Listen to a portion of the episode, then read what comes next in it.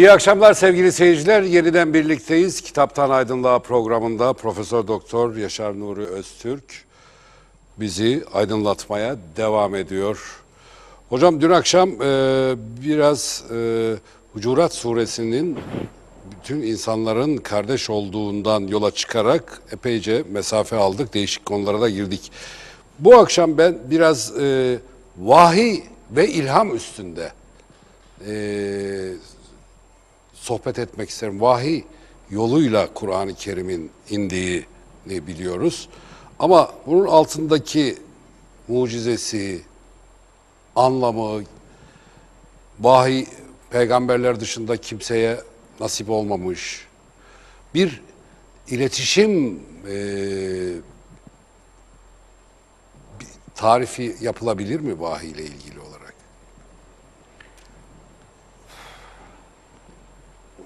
Şimdi vahiy Cenab-ı Hakk'ın varlıkla konuşma yoludur. Genel, genel çerçevede. Mesela Kur'an arıya da vahyedildiğini söylüyor.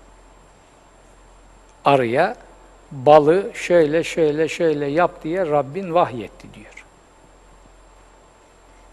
Tamam mı? Bu genel çerçevesi budur. Yani varlığın tabii davranış e, yetilerini varlığın bünyesine koyan bir yaratılış sistemidir. Arıya bal yapmayı vahyetmiştir Cenab-ı Hak. Kobra yılanına zehir yapmayı. Hiç şaşarlar mı? Kobra yılanına bal da yedirseniz, süt de yedirseniz ki sever yer, zehire dönüştürür. Arıya da ne yedirirseniz yedirin, insanoğlu denen sahtekar, arıya mesela yaratıcı ağaçlardan, çiçeklerden bal yap diyor. Mine şeceri bak. Öyle vahyettim diyor ona. İnsanoğlu glikozu yediriyor ona. Arı glikozu da yese bala çevirir.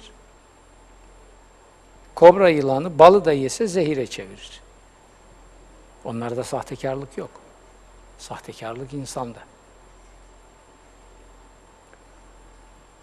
Vahyin bu genel manası dışında bir de özel manası var.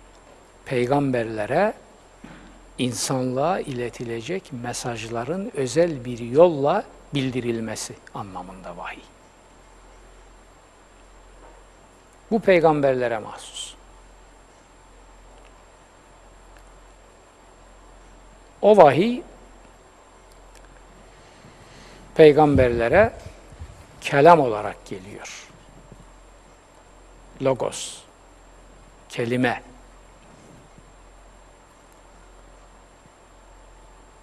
Her peygambere hitap ettiği çekirdek toplumun diliyle vahiy geliyor. Ve Kur'an'a göre bütün toplumlara böyle vahiy gelmiştir bir biçimde. Bütün dillerde vahiy gelmiştir. Kızılderililere vahiy gelmedi mi? Geldi. Ve immin ümmetin illa hala fiha nedir. İstisnasız bütün toplumlara bir peygamber gelmiştir. Onun için hiçbir dil kutsal falan değildir. Veya bütün diller kutsaldır. Çünkü Kur'an'a göre bütün diller Allah'ın ayetleridir. Elsinetüküm ve elvanüküm. Renkleriniz ve dilleriniz de Allah'ın ayetlerindendir. Bunun Arapçasını, İbrancasını, Grekçesini ayır ayırmamış ki. İhtilafı elsinetiküm diyor. Dillerinizin farklı oluşu da Allah'ın ayetlerindendir. Şimdi kilise zebanileri, kilise iblisleri ne yaptılar? İncil'i tercüme ettirmesinler diye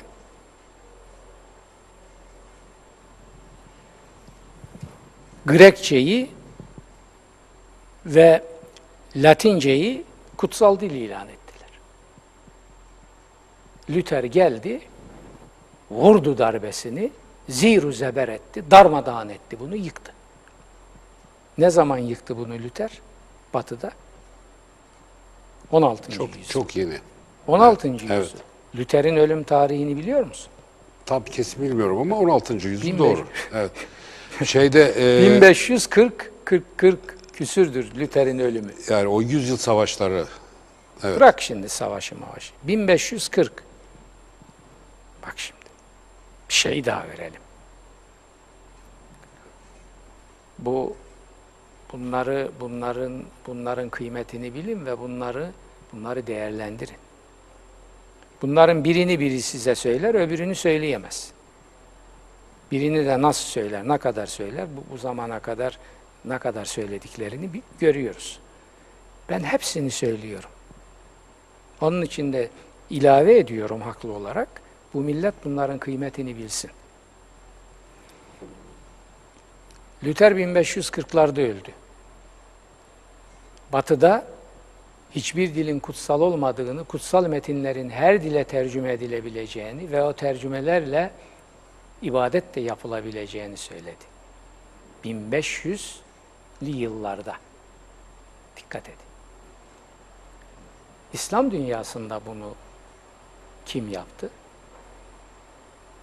İmam-ı Azam yaptı.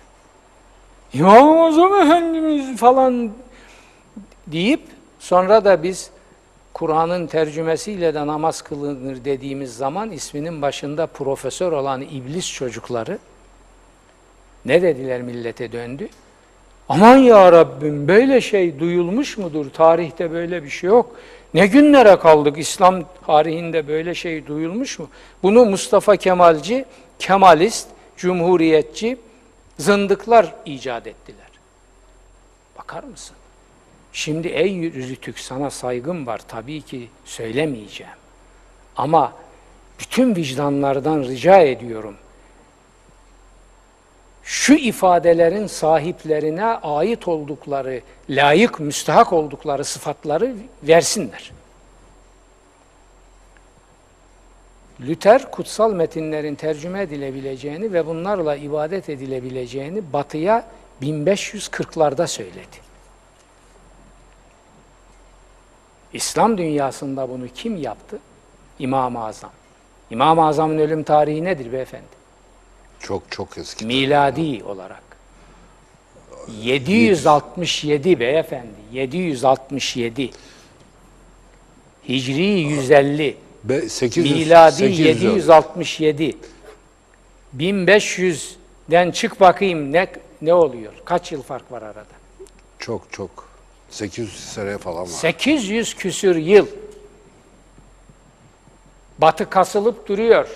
Bizim Lüterimiz kutsal metinlerin bütün dillere tercüme edilebileceğini söyleyerek insanlığın önünde bir ufuk açtı. İnsanlığı kilisenin ve papazların, din adamların hegemonyasından kurtardı. Hop hop batı.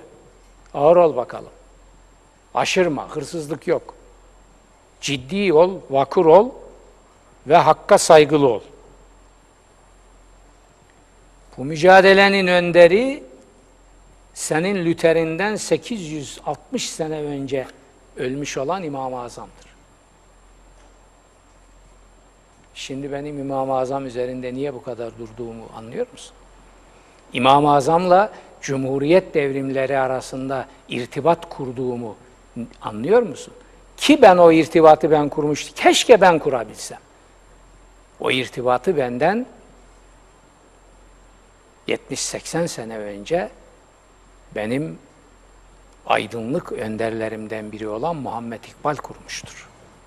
Ben İmam-ı Azam kitabına Muhammed İkbal'in bu irtibatı kuran o müthiş ve müthiş konferansını tercüme edip eserinden Reconstruction of Religious Thought in Islam adlı eserinden tercüme edip koydum oraya. İmam-ı Azam'la Atatürk devrimlerinin ne alakası? Senin gibi ahırdan kaçmış bunları anlamaz. Gayet tabii sen bunları bilemezsin ki. Senin için ne alakası var? Ama İkbal bu alakayı kurmuş. İkbal 1938'de öldü. Ben hala yaşıyorum.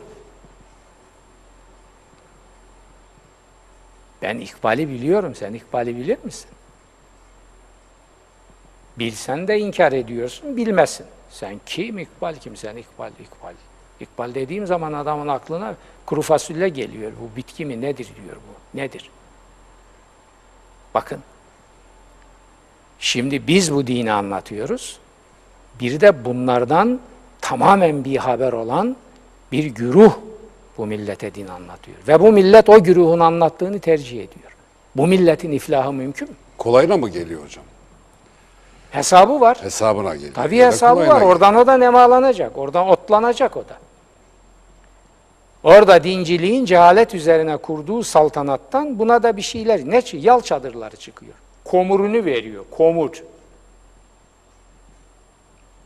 Çocuklarına haçlık veriyor. Ondan sonra buna şükran olarak da ben onun bilmem neyinin kılı olurum diyor. İşte millet bu. Sen bizim ıstırabımızı düşünsen. Ben ne diyorum? Sen kimin kılı olursan ol, neresinin kılı olursan ol. O senin bileceğin iş. Ama ben insanım.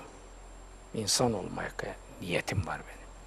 Ve ben diyorum ki, Luther'den 860 sene önce kutsal metinlerin başka dillere tercümelerinin mümkün olacağını ve yapılması gerektiğini ve bu tercümelerle ibadet de edileceğini benim büyük büyük büyük önderim onun iman torunlarından biri olmakla iftihar ediyorum. İmam-ı Azam insanlığa söylemiştir. Batı aşırma bunu, çalma, hırsızlık etme. Hakkını ver. Luther kim? İmam-ı Azam'ın yanında Luther öğrenci olur en iyi ihtimalle. O da bir papazdı ama ort Ya bir- İmam-ı Azam kim? Tabii. Luther kim yani? o da bir Veya en azından Luther İmam-ı Azam'ın hakkını ver. Luther Tabii. Luther'i küçültmekle ben e, İmam-ı Azam'ı büyütecek değilim. Ben eserlere bakıyorum.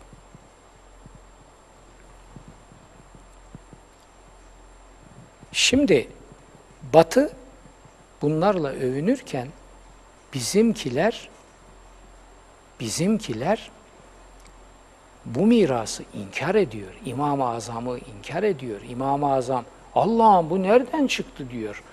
Bunu diyor bu Kemalistler diyor bu Atatürkçüler diyor icat etti. Kur'an'ın tercümesiyle de ibadet olur falan filan diyor. Bakar mısın? Batı da diyor ki ya bak sizde diyor hala bunlar inkar ediliyor diyor. 2000'li yıllarda bile diyor hem de prof ünvanı taşıyan bir takım adamlar diyor insan kılığında bir takım mahlukat bunları inkar ediyor diyor. Ama diyor bak bizim 1542'de ölen Lüterimiz bunu yapmış diyor. Biz ne kadar diyor sizden öndeyiz. Ben şimdi bunun acısını mı çekeyim? Bizim ahırdan kaçmış takıma mı bu hakikatleri anlatayım? Ne yapayım ben? Peki hocam burada şimdi hep bir şeyde tartışıldı ya. Şimdi burada bakın bir şey söyleyeyim. Burada Kur'an'ın ulu bakiye dediği şu Kur'an'ın kullandığı tabirlere bakar mısın? Birikim sahiplerine görev düşüyor. Komurumu veriyor, ben onun bilmem neyinin kılı olurum diyen sürüden bir şey bekleyemezsin. O kılı olmuş gitmiş. Devam.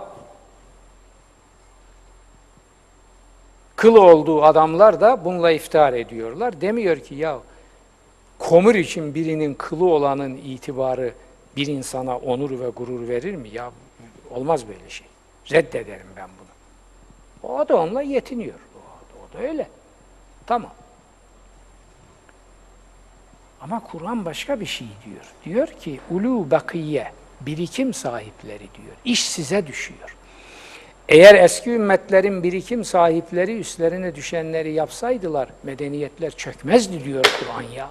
Ya başka nasıl der bir kitap? وَلَوْلَا كَانَ مِنَ الْقُرُونِ مِنْ قَبْلِكُمْ اُلُوا بَقِيَّةٍ يَنْهَوْنَ عَنِ الْفَسَادِ فِي الْأَرْضِ مِمَّنْ اَنْجَيْنَا مِنْهُمْ Geçmiş toplumlardan birikim sahipleri diyor, gerekli uyarıyı yapsa, gerekli aydınlatmayı yapsaydılar, bu toplumlar helak olup bunların kalavraları sizin önünüze gelmezdi. Onlardan ya... Birikim sahipleri kim? Evet. Onların açılımı da var Kur'an'da. Bir defa bir numarada ilim adamları. Hani bugün kimler bunlar? İşte bunu proflar bilmem neler falan filan. Ama tabii İhsan doğramacının genelgesiyle bu ünvanı almış takım değil, o güruh değil. Onlar prof falan filan değildir. Bir defa prof olmak için önce doktora yapacaksın. Sen doktora yaptın mı? Yok. Nereden aldın bu ünvanı? Toprağı bol olsun, İhsan Doğramacı'nın genelgesinden aldın. Bitti. Sen ilim adamı falan değilsin. İlim adamları, ilim adamı bir defa. İki, servet sahipleri. Bakın Rönesans'a batıda, sen o tarafını bilirsin işte. Rönesans'ı yaratanlar kimlerdir? Sade o sanat ve felsefe dehaları değil, dikkat edin. Zengin o, burjuvazi. o ayağın biridir. Tabii. O ayakla ay- duramaz. İki ayak lazım yürümek için. Tabii. İkincisi nedir? Burjuvazi filan onu halk bilmez. Servet sahibi. Servet sahipleri tabii. Onlar Aristokrasi. onlar bu dehaların açlığa mahkum olmamalarını temin ettiler. Servetlerini bu iş için bezlettiler ve Rönesans çıktı. Bizde bunu yapan kimse var mı? Var mı? Ben görmedim. Bilimsel araç... Ben görmedim. Şu kitapları okuyanlar kimler? Bunların her biri bir devrimdir. Batı bunu böyle olduğunu Batı kabul ediyor. Batı dünyası benim yazdığım kitapların her birinin bir devrim olduğunu kabul ediyor. Ediyor ki Batı üniversiteleri benimle ilgili 10 tane doktora yaptırmış. Hiç. Ve bu şeyhin kerameti kendinden menkul değil. Bu, bu tartışılmaz. Peki bizde bizde diyelim ki meslek hasediyle benim meslektaşlarım bunları yapıyor bana karşı. Peki ulu bekiye dediğimiz birikim sahiplerinin öteki kısmı ne yapıyor? Şu kitapları okutuyorlar. mı? Okuyorlar. mı?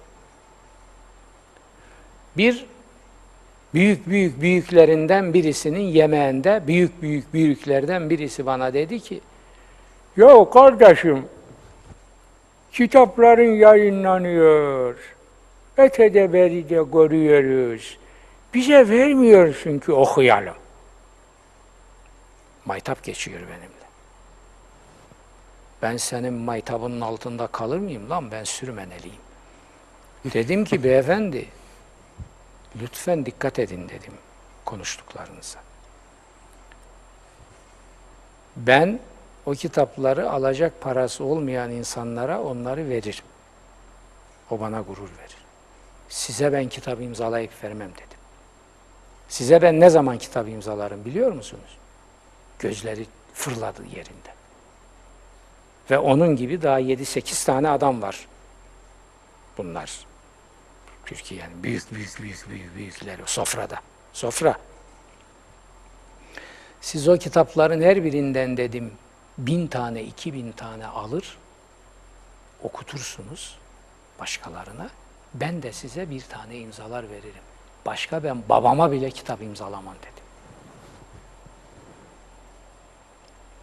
Baktı ki iş bağlı, buralardan terledi, terleri gördüm. Baktı ki biraz daha konuşursam iyice canımı yakacak benim. Hiç ben yemek, sofra falan ben dinlemem bunları. İcabı neyse o. Ah ah kardeşim her neyse. Nasıl işen daha kardeşim? Hemen işi değiştirdi başka tarafa attı. Bu da toprağı bol olsun oldu gitti. Evet. Anladın mı? Şimdi Evet. Ulu bakiye, ilim adamları. İlim adamları, ilim yere düşmez. Bunun gasp edicileri, bunun soytarıları, bunun böyle aşırmacıları, işte böyle İhsan Doğramacı genelgesiyle unvanlarını almış olanları olabilir. Ama mutlaka ehli vardır. Azdır, çoktur, vardır. Türkiye'de de var. Öbürleri kadar mevzul değil ama var. Peki bunların kıymetini biliyor mu bizim insanımız? Bunları öne çıkarıyor mu? Bunları payelendiriyor mu? Bunların yüzlerce çile, acı, ıstırap pahasına vücuda getirdikleri eserlerin toplumda taammüm etmesini, yaygınlaşmasını, okunmasını, şuur haline, eylem haline gelmesini sağlayacak bir şey yapıyor mu? Sade keselerini dolduruyorlar. Doldurun, doldurun, doldurun, doldurun. Onlar sizi cehennemde odun olup yakacak. Başka bir işe yaramaz onlar. Yığın. 70-80 yaşına gelmiş ayakları çukurda. Hala bankadaki hesapları nasıl şişiririm diye uğraşıyor. Hak demiyor, hukuk demiyor.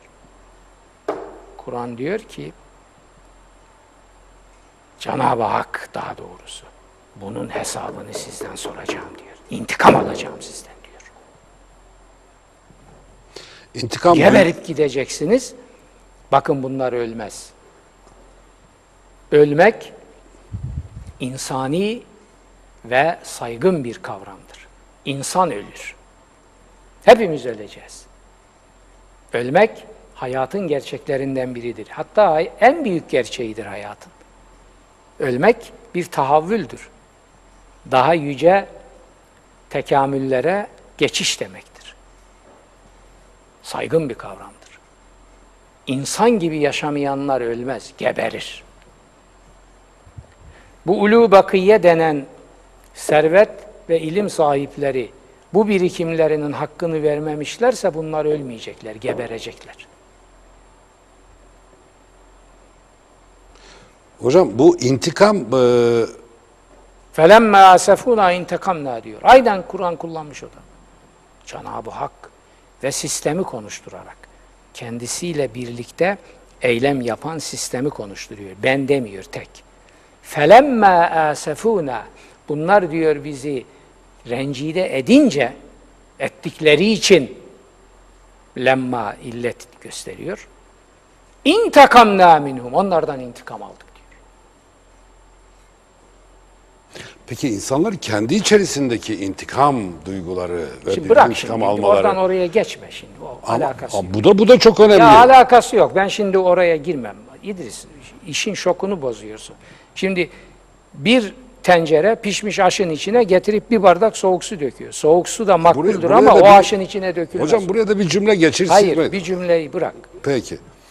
Şimdi Cenab-ı Hak diyor ki ben intikam Cenab-ı Hak alır. İnsana intikam alma yetkisi verilmemiştir. O zaman bir cümle söyleyeyim. İşin özeti. İntikam ben alacağım diyor. Siz uyarınızı yapın. Söyleyin, aydınlatın, bilgilendirin. Karşı mücadelenizi de yapın ama intikam yok. O Allah'a mahsustur. Şimdi Rönesans'ı batıda bunlar yarattı.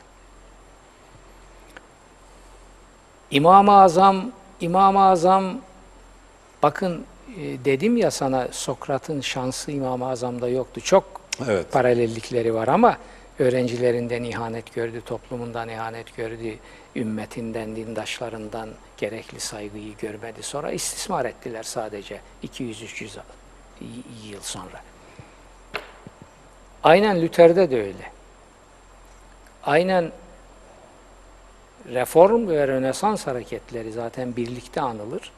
Orada Ulu Bakiye'nin servet sahibi kısmı destek verdi. Bunların yanında yer aldı. Karşısında olanlar da elbette vardı kilisenin uşakları elbette. Vatikan Ama İmam-ı Azam'ın yanında bir tane yoktu. Bir tane yoktu. Allah'a bin şükür ki kendisi büyük bir tüccardı, ipek tüccarıydı.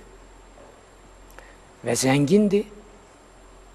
Öğrencileri başta olmak üzere bu ilmi hayata, fikri hayata katkı veren herkesi besledi, yedirdi, içirdi, doyurdu, borçlarını ödedi. Tamam mı? Evsizine ev aldı, barksızına bark kurdu. Ve hepsi ihanet ettiler ona. Başta en çok beslediği öğrencisi İmam Ebu Yusuf. En büyük hain odur İmam-ı Azam'a ihanet eden.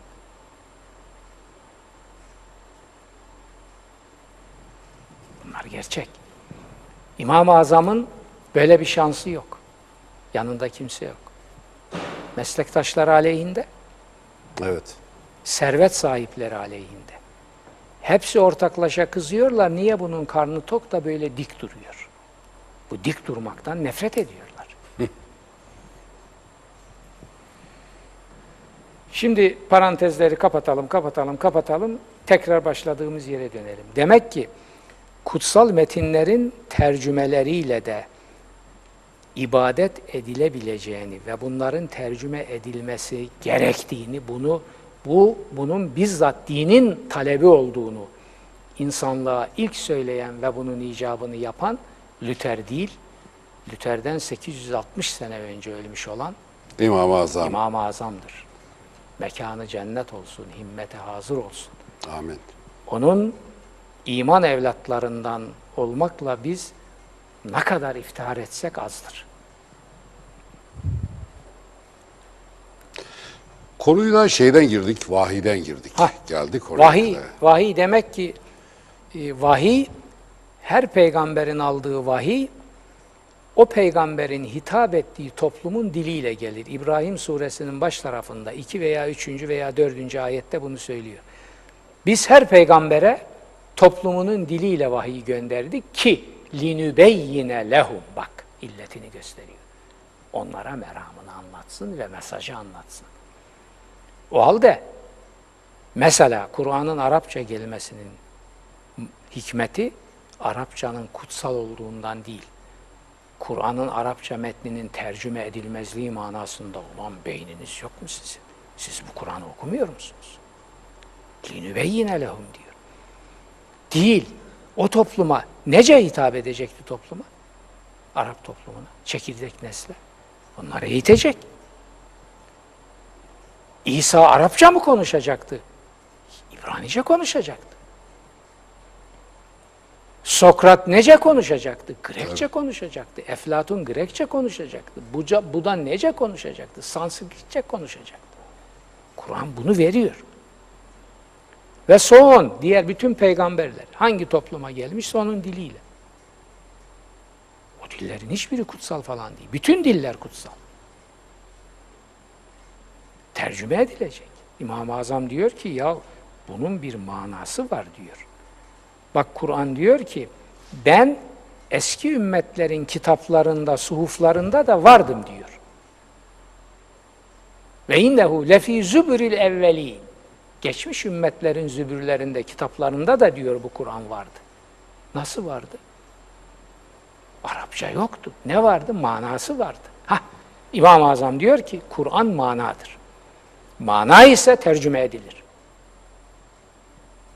Edebi, filolojik açıdan onun tıpatıp aynısı olamaz hiçbir tercüme. Hiçbir dil diğer dile öyle olmaz. Ama diyor bu önemli değil. Hele ibadette hiç önemli değil diyor. Münacat lazım bize. Allah'a münacat edecek. Arapçayı 20 yanlışla okudun mu Allah'a münacatın geçerli de utanmaz hayasız adam seni.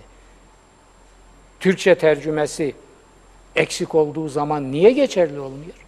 Hatta İmam-ı Azam diyor ki kendinize gelin. Allah'a münacat diğer kutsal kitapların metinlerinin tercümeleriyle de olur. İmam-ı Azam'ın açık fetvası var.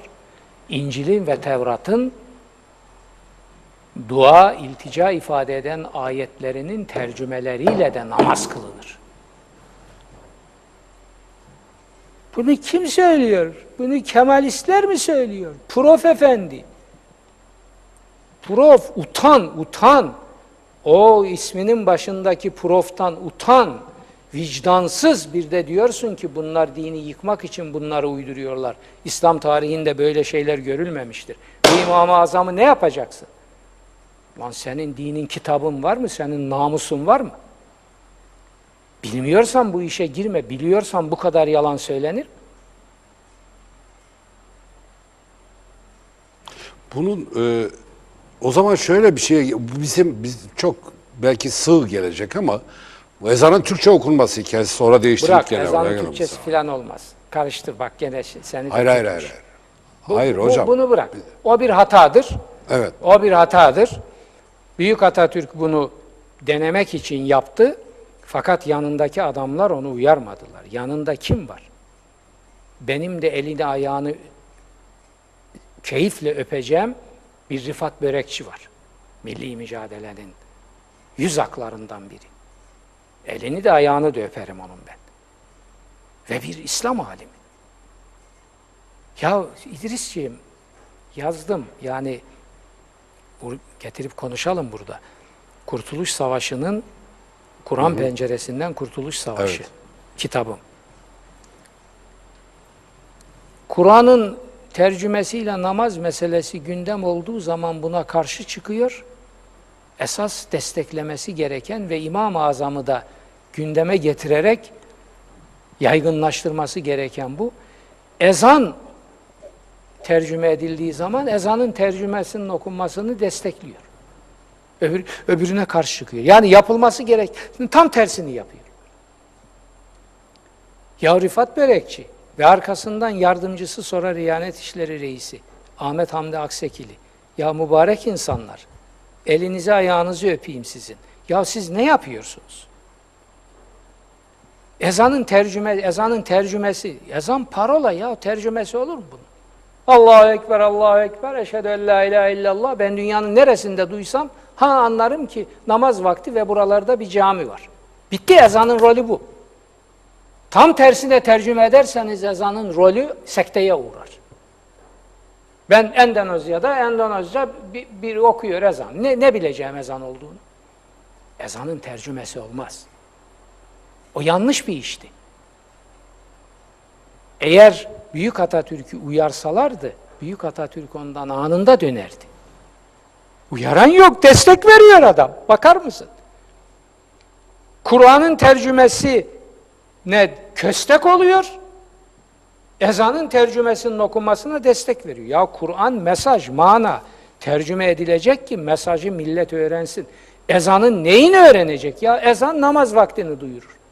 Okundu mu bitti. Ne dokunuyorsun buna? Bin yıllık güzelce okunuyor.